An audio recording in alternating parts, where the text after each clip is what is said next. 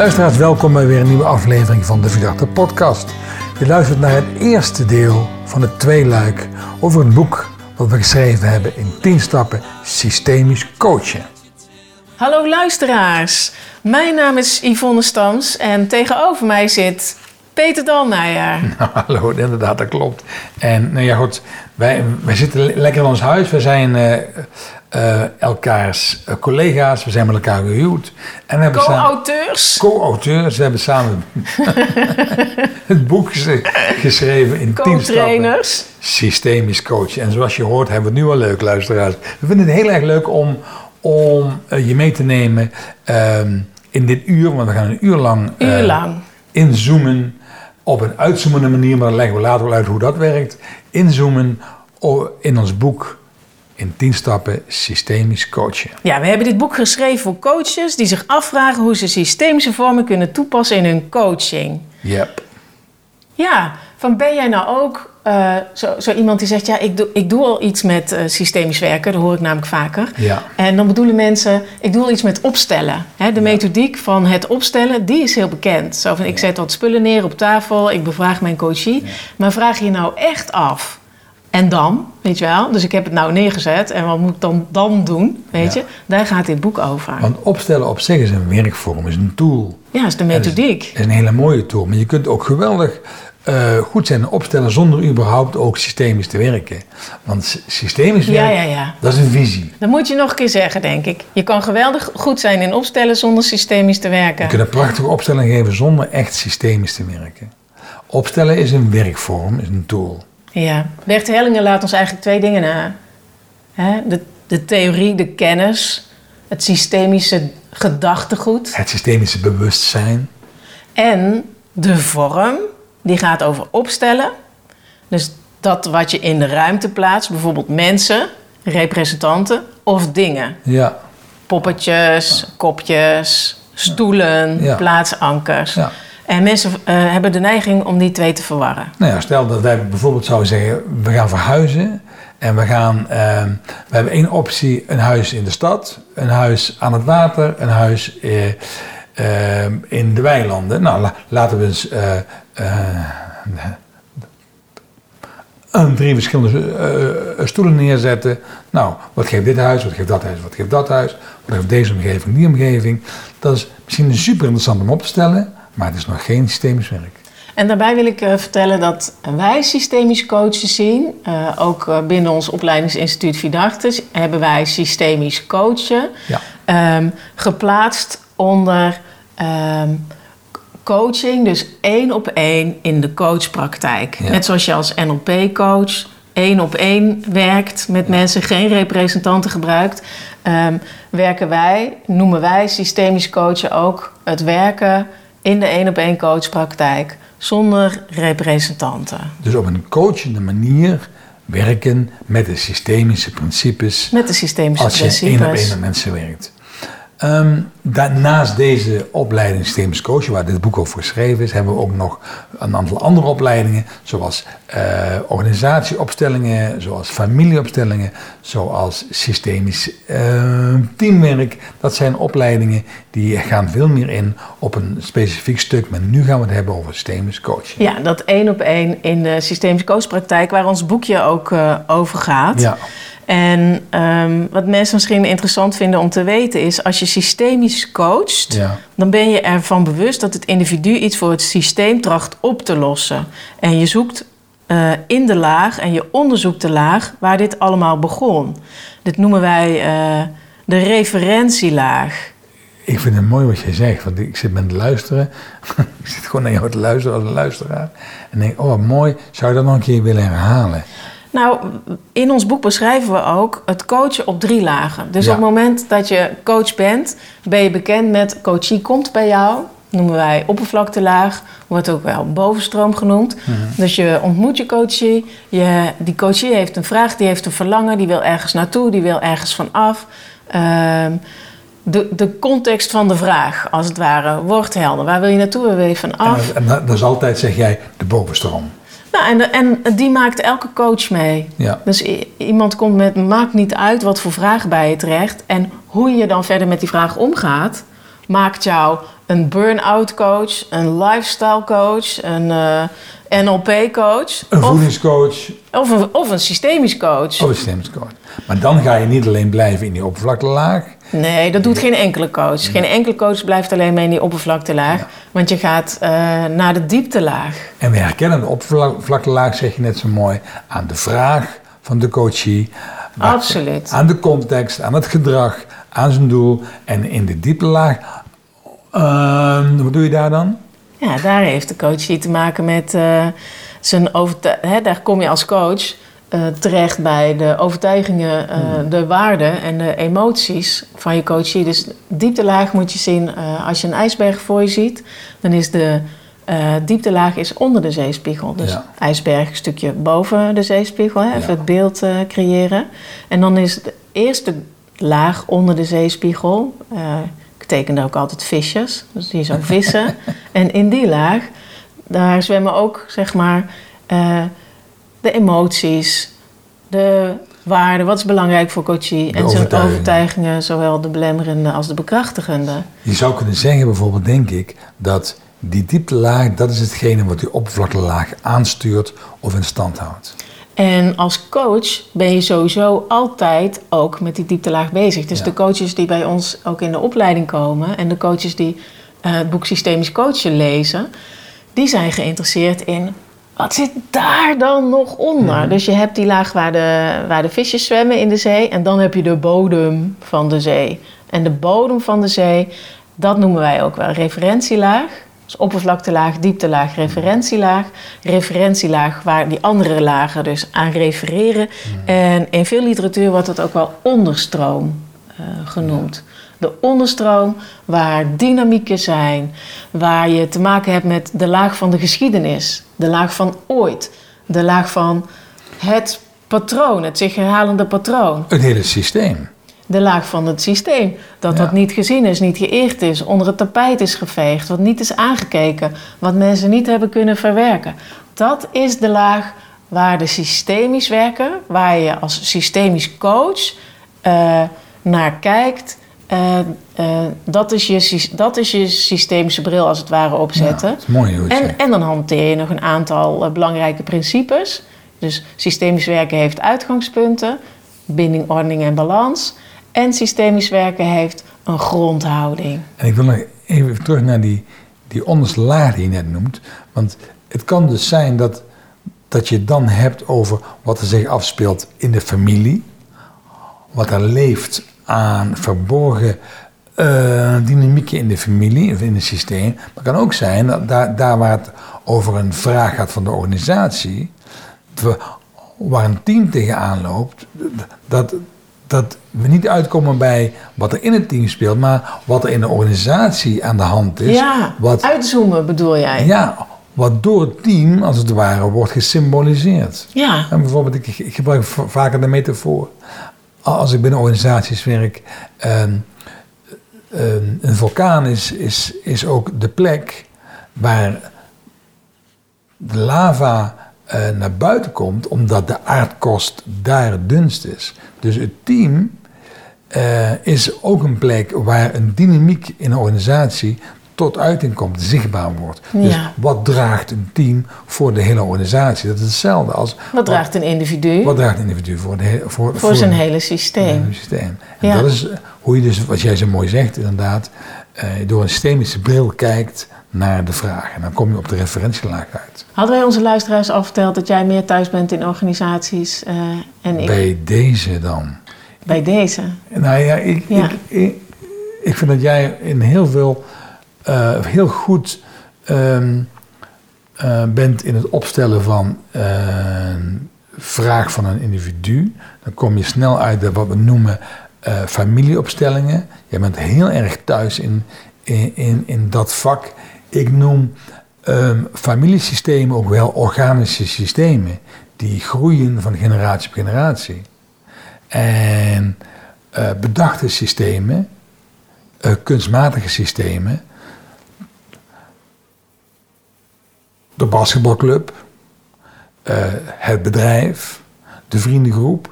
Dat is een systeem die gemaakt is, die gebouwd is. En, en En zo'n systeem vind ik prachtig om daar systeem Ja, daar ben jij uh, helemaal in thuis. Ja, klopt. Met name ook wat grotere organisaties Ja. en wat minder bij de basketbalvereniging, eh, wat je net schetst. Ben ik wel geweest een keer hoor. Bij het landskampioen was het fantastisch om daar te mogen werken. Maar dat is weer een heel ander, Dat is een heel ander verhaal. stuk dan we Ja, nu hebben gaan over we nu even niet op in. systemisch. Maar daar hebben wij in ieder geval allebei eh, onze, onze voorkeuren ook. Ja.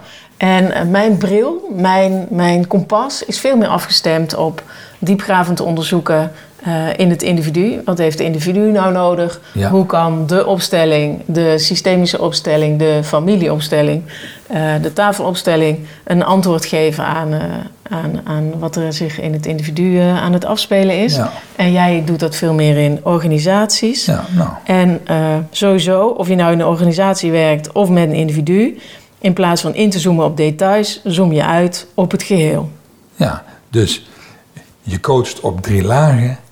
Je kijkt door een systemische bril. Ja, En je zoomt uit eh, en kijkt naar het grotere geheel. ja en, en het toepassen van die, eh, ehm, die systemische principes Ja. en het idee van, goh, ik ga die referentielaagjes onderzoeken, wat is daar te doen aan, aan dynamieken, aan, aan onderstroom, dat vraagt een fenomenologische grondhouding. Zo, dat is eruit. Ja, het is altijd leuk om eh, mensen te horen eh friemelen met het woord fenomenologie. Fenomenologisch werk. Ik vind het zo'n mooi woord. Ja. En het, eh, het helpt zo ook, een fenomenologische grondhouding helpt enorm in je werk als systemisch coach. Maar het helpt je ook gewoon in je hele leven. Van, Wat zijn nou de verschijnselen die spreken? Welke, be- eh, welke betekenis kan ik daaraan geven? En het is er in het moment. Mooi dat je zegt, laat de verschijnselen spreken. Laat de verschijnselen spreken, de verschijnselen laten spreken. Dus de waarheid in het moment. Ja, Wat wordt hier geleefd? Wat wordt hier beleefd? Wat wordt hier, wat wordt hier ervaren? En- dat is en- anders dan wetenschappelijk. Wat is de waarheid en wat is juist? En eh, het mooie van deze houding is ook dat je veel meer daardoor uitzoomt en kijkt naar het grotere geheel. Want dan ga je namelijk de verschijnselen met elkaar in verband brengen. En zoals eh, een jonge Cruijff zegt, als je het eenmaal door hebt ga je het zien, dan ga je het ook zien. en wat je gaat zien is het verbindende patroon. Zo. Welk patroon verbindt de coachie en zijn omgeving? Welk patroon in de coachie verbindt nu met vroeger? Eh, patronen kunnen zelfs generatie op generatie terugkeren. Ja, Het verbindende patroon. dat, dat, ga, je, dat ga je allemaal eh, in ons... Daar ga je stukjes van terugvinden in ons, eh, in ons boek. En waar we het nu eigenlijk over hebben, dat zijn een beetje zo de eerste vier stappen waar we nou wat spontaan doorheen fietsen met z'n tweeën. Eh, dat geeft ook eigenlijk aan de houding van de systemisch coach. Dus een eh, eh, coaching gaat heel vaak over tools. De technieken, de methodieken.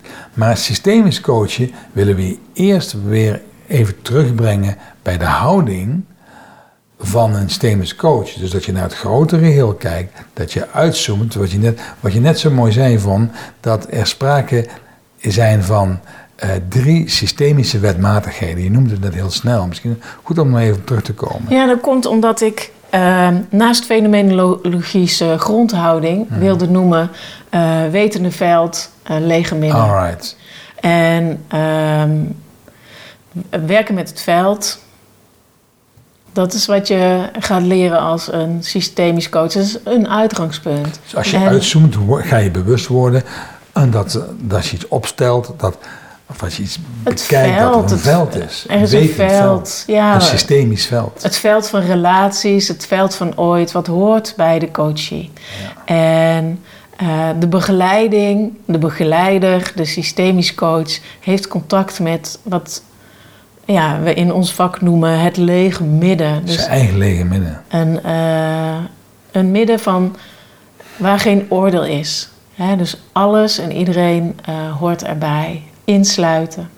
En ehm, vanuit die manier van kijken ben je ook niet bezig met ik wil hè, helpen. Je, je stapt erin zonder doel en zonder vrees en zonder de bedoeling om, eh, om te helpen. Hè, dat zijn uitgangspunten van, van Bert Hellinger. Een systemisch coach neemt waar. Een coach kijkt naar het grotere geheel, zoomt uit. Is geen wegenwacht, is geen brandweer. Is, is niet degene die. Heeft ook geen uh, ABC'tje. Maar gaat uit van. Er is een, een, een systeem, er is een veld. En ik ga schuiven met de elementen, waardoor er een andere, en dan komen weer die drie woorden terug die net zo mooi zei, waardoor ik de binding herstel, de verbinding juist zet, waarbij ik de ordening weer herstel, mensen op hun eigen plek zet in het systeem en de balans tussen geven en nemen, de uitwisseling ook weer tot stand brengen op, een, op een gezonde manier. Ja, omdat je als gezonde verhoudingen gaan ontstaan. Dat is waar het om gaat. Als je, omdat je als systemisch coach ervan bewust bent dat het individu iets voor het systeem tracht op te lossen. Ja, dat is een mooie. En, en vanuit die, die, die grondhouding ga je die principes waar jij net ja. uh, over had. Uh, Binding, ordening en balans. Toepassen. Ja. Dat zijn uitgangspunten. Ja. Dus dat is, heeft allemaal nog te maken met de houding van de, van de systemische coach. En, uh, en binding, ordening en balans is al wel de systemische bril, bril opzetten. Hè? Ja. Dus dat heb je nodig. De weten, het weten van ik coach op drie lagen. Ik ga naar de referentielaag. Ik kijk door een systemische bril. Klopt. Met die principes vanuit binding, ordening, balans, slash uitwisseling. Duidelijk. En uh, je neemt je fenomenologische uh, grondhouding uh, aan. Je werkt met wetende veld, je gaat uit van je lege midden. En daarin leren we je systemische vragen te stellen. Dat vind ik wel een hele mooie van het systemisch werk. Dat er, er zijn er zijn oppervlaktevragen, vaak ook analytische vragen. Mm-hmm. En er zijn systemische vragen die veel meer gaan naar uh, het, het uh, naar boven halen, het, het, het ontwikkelen, het zichtbaar en hoorbaar maken van de systemische dynamieken die nou nog als het ware verborgen blijven. Dat doen die systemische vragen. Mm-hmm. En dat is prachtig werk.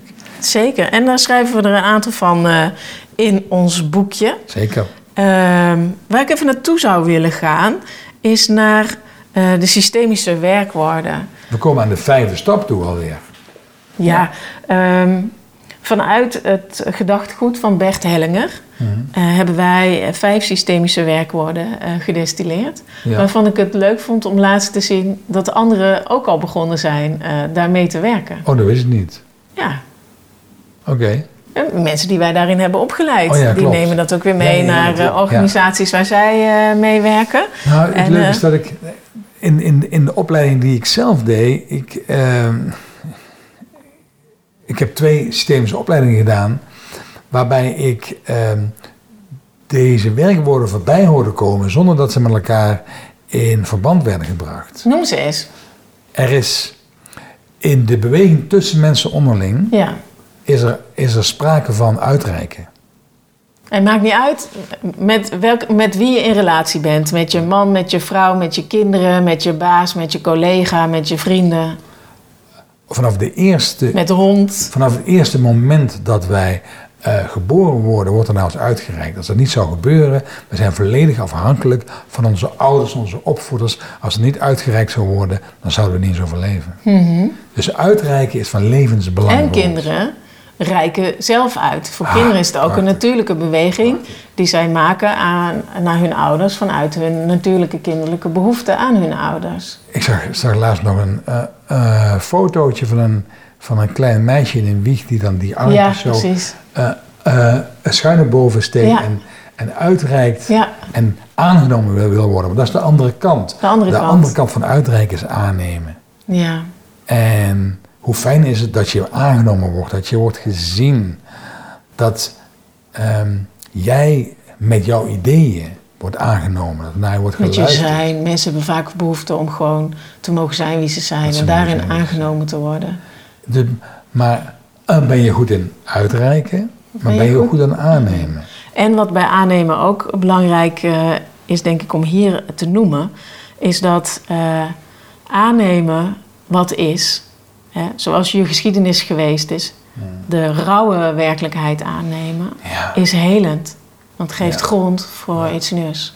Nou, bijvoorbeeld, ehm, voor mij was het best wel spannend om te horen van mijn moeder dat haar vader in de oorlog, aan het eind van de oorlog, uit zelfbehoud de kant voor heeft gekozen van de Duitsers. ja, om dat stuk geschiedenis aan te nemen. Ja, dus ik, de- ik, ik moest aannemen dat jouw dat- opa.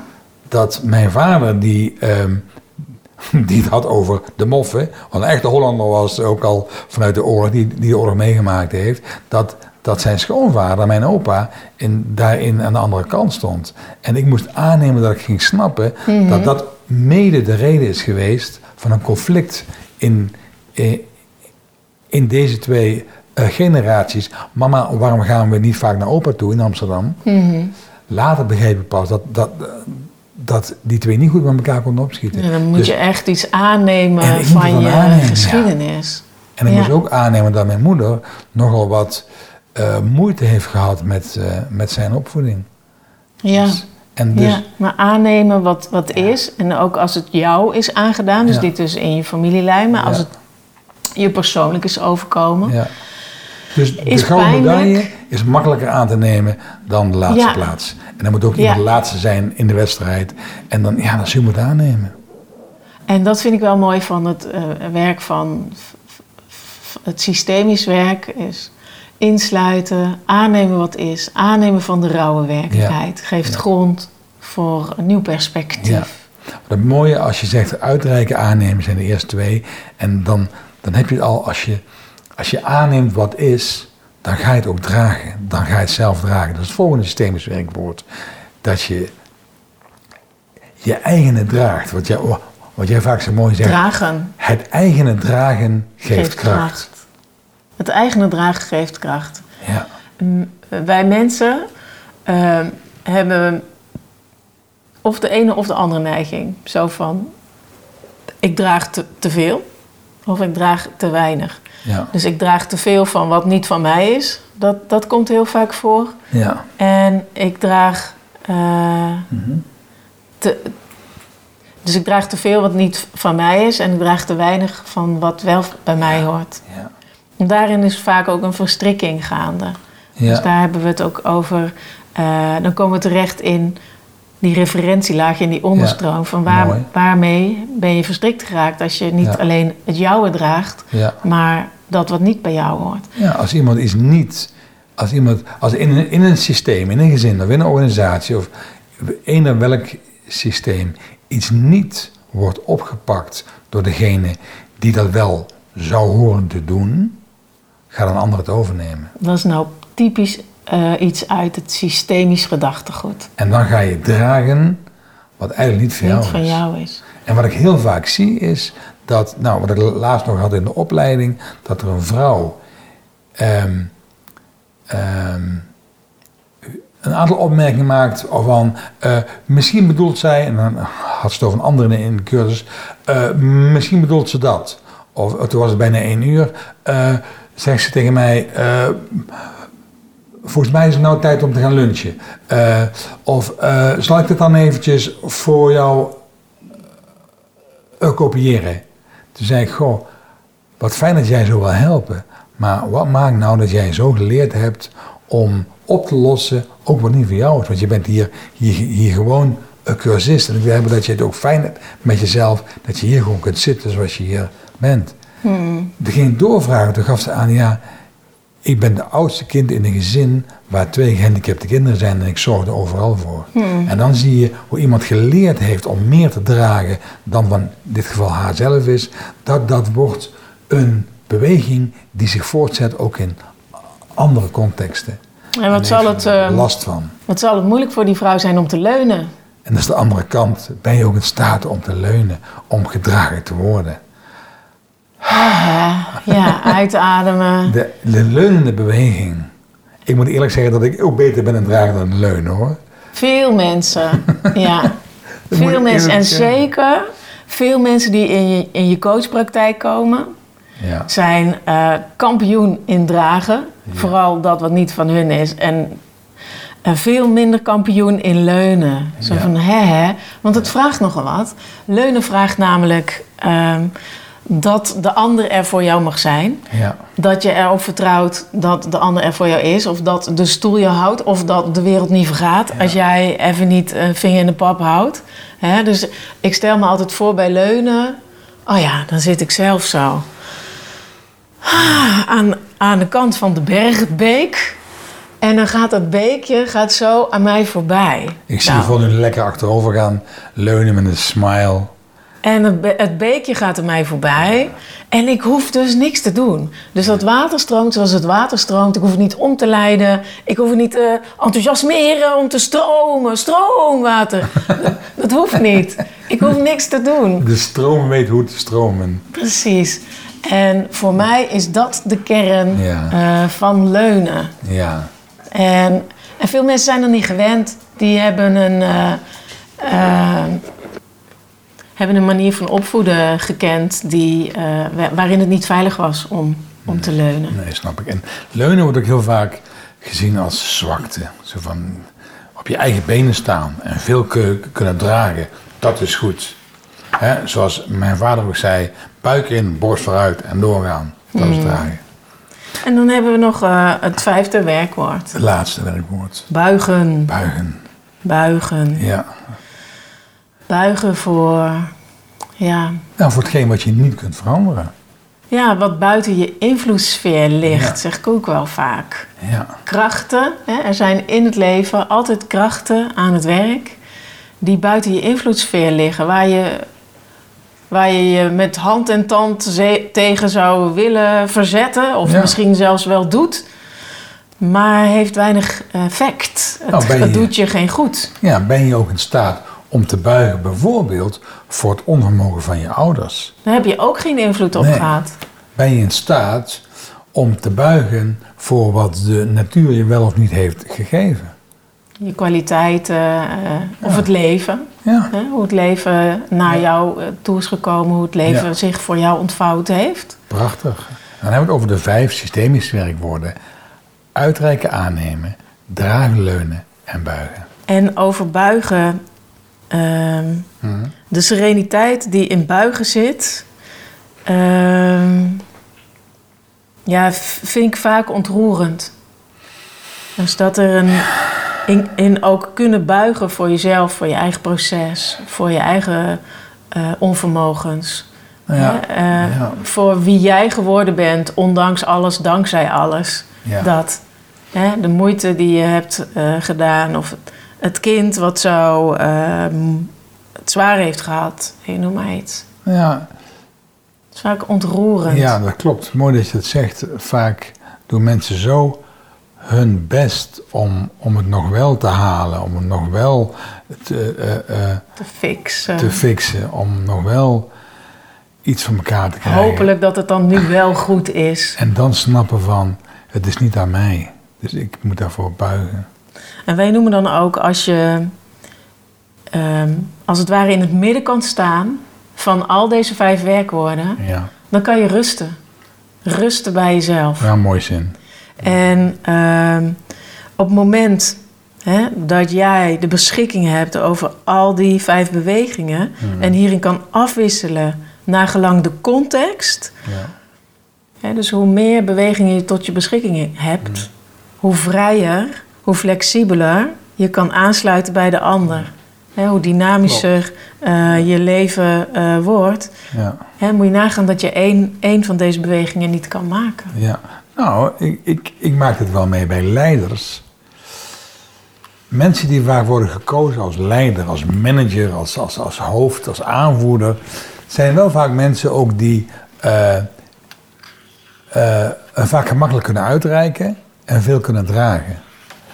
En ben je ook in staat als leider, als manager, om je team of om je medewerkers wat eigen ruimte te geven, wat zelfsturend op bepaalde momenten te kunnen laten zijn. Dat jij veel meer, wat we binnen systeemswerk noemen, de holding space eh, voor je rekening neemt, waarbij ehm, je ook kunt aannemen dat anderen ook goede ideeën hebben. Dat je ook kunt leunen en andere mensen eh, voorop laat, gaan.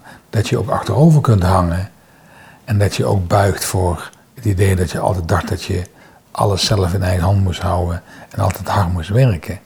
En ik vind het altijd heel mooi om leiders deze systemische principes te leren. En hoe prachtig is het om in uh, coaching, daar waar mensen vastlopen, de vijf systemische werkwoorden te geven, omdat elk probleem, elke interactie tussen mensen die niet goed uh, functioneert, heeft een te veel of te weinig aan aannemen, aan uitreiken, aan dragen, aan leunen of buigen. En door daarheen te gaan, ga je weg bij de context, ga je weg bij de inhoud, kom je, kom je uit bij de essentie, ben je ook in staat om aan te nemen dat het niet is gelukt, of ben je ook in staat om aan te nemen dat het anders is gelopen, ben je ook in staat om te buigen, ben je ook in staat om opnieuw weer uit te reiken. En dat vind ik mooi als mensen dat kunnen. En daar ben je dan als systemisch coach van een enorme meerwaarde in het begeleiden van mensen. En hierbij zijn we aan het einde gekomen van de eerste aflevering. Het eerste deel van het tweeluik in 10 stappen systemisch coachen. In de volgende aflevering gaan we verder en dan gaan we nog meer in op de diverse stappen van het boek in 10 stappen systemisch coachen. Bedankt voor het luisteren en wellicht tot de volgende aflevering. Bye bye. With a little luck, we might just catch your tailwind. Hey, fellow traveler, keep traveling, keep traveling.